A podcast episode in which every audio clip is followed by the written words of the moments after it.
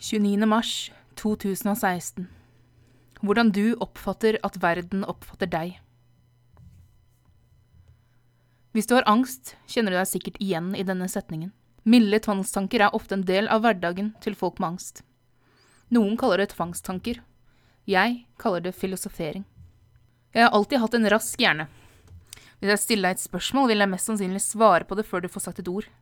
Frustrerende for noen, av og til også for meg selv. Det er positive og negative sider ved å være en aktiv tenker. Man utvikler med årene god fantasi. Fantasien kan være både vakker og grusom. For eksempel, la oss si at jeg kommer inn i et legekontor. Det henger en jakke over stolen til legen, og han sitter en drøy meter fra en varmeovn på veggen. Dersom jeg henger meg opp i det, som jeg ofte gjør, tenker jeg slik. Hva om legen dytter stolen bort til vinduet og jakken tar fyr? Det blir rabalder, kanskje legen dør. Jeg lurer på hvordan et dødt menneske ser ut. Det er vondt å se dødsannonser i avisen. Husker sist det var noe jeg kjente der. Åh, jeg lurer på hvordan det går med familien hennes. Jeg må i begravelsen, det bare må jeg. Jeg må huske å dusje først, og jeg må ha på meg klær uten hull i. Mørke. Orgelmusikken. Nedsenkingen. Ansiktene til familien. Alle disse tankene løper gjennom hodet på under ett sekund. Såpass god kan fantasien være. Jeg kan også bli redd for de tankene, selvsagt. Jeg opplevde nylig at et familiemedlem plutselig ble syk. Jeg ble selvsagt stresset og usikker. Jeg ble vel ikke redd til å begynne med, men bekymret. Forskjellen var bare nå at jeg ikke var alene om følelsen. Og følelsene som kom, var ikke min standard angst. Det å føle seg normal, som andre, er alltid godt, uansett om det er negativt eller positivt. Tankene gikk jo fort denne gangen også.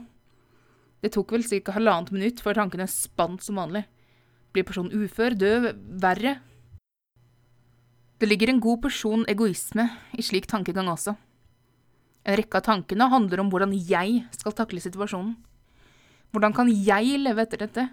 Hvordan klarer jeg å leve videre? Jeg er ikke klar. Er ikke det derimot menneskelig?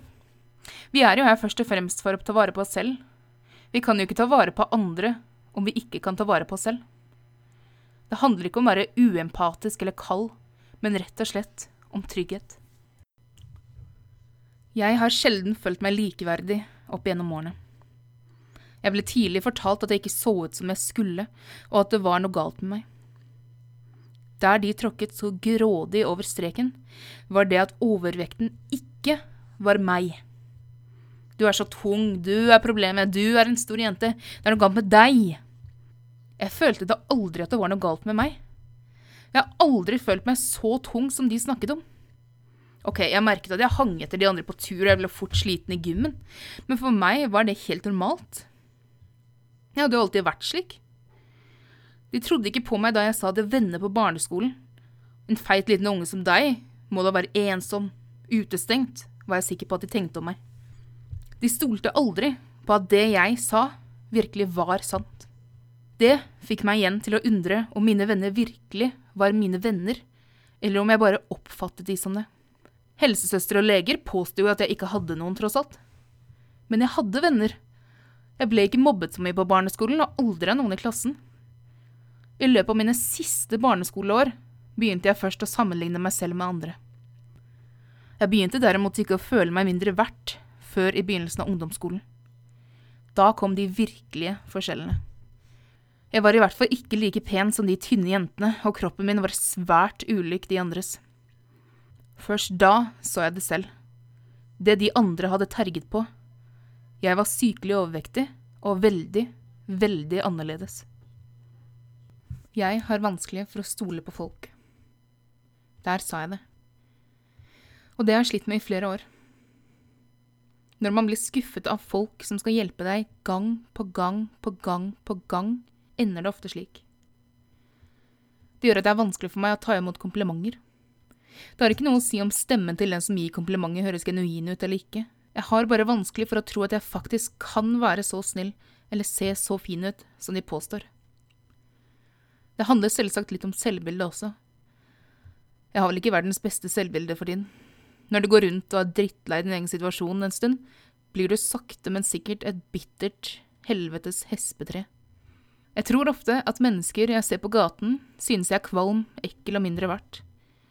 Men alle mennesker kan jo ikke tenke slik. Jeg ødelegger i realiteten mulige forhold til andre mennesker ved å anta at de ikke liker meg. Jeg legger ferdigproduserte negative meninger i andres munn helt uten at de har fått sagt et ord. Det er svært selvkrenkende. Jeg lar andres tanker om meg, meninger som jeg har produsert, ødelegge for mitt liv. Jeg tenker jo ikke slik om andre. Jeg synes de aller fleste mennesker ser ut til å være helt greie folk. Vakre. Jeg kan også få meg til å tenke at de har perfekte liv, uten en bekymring. Der tar jeg selvsagt feil. Det er ikke lett å se på noen om de har angst, stomi, opplevd vold eller lignende. Det er lett å skjule at man har en dårlig dag også.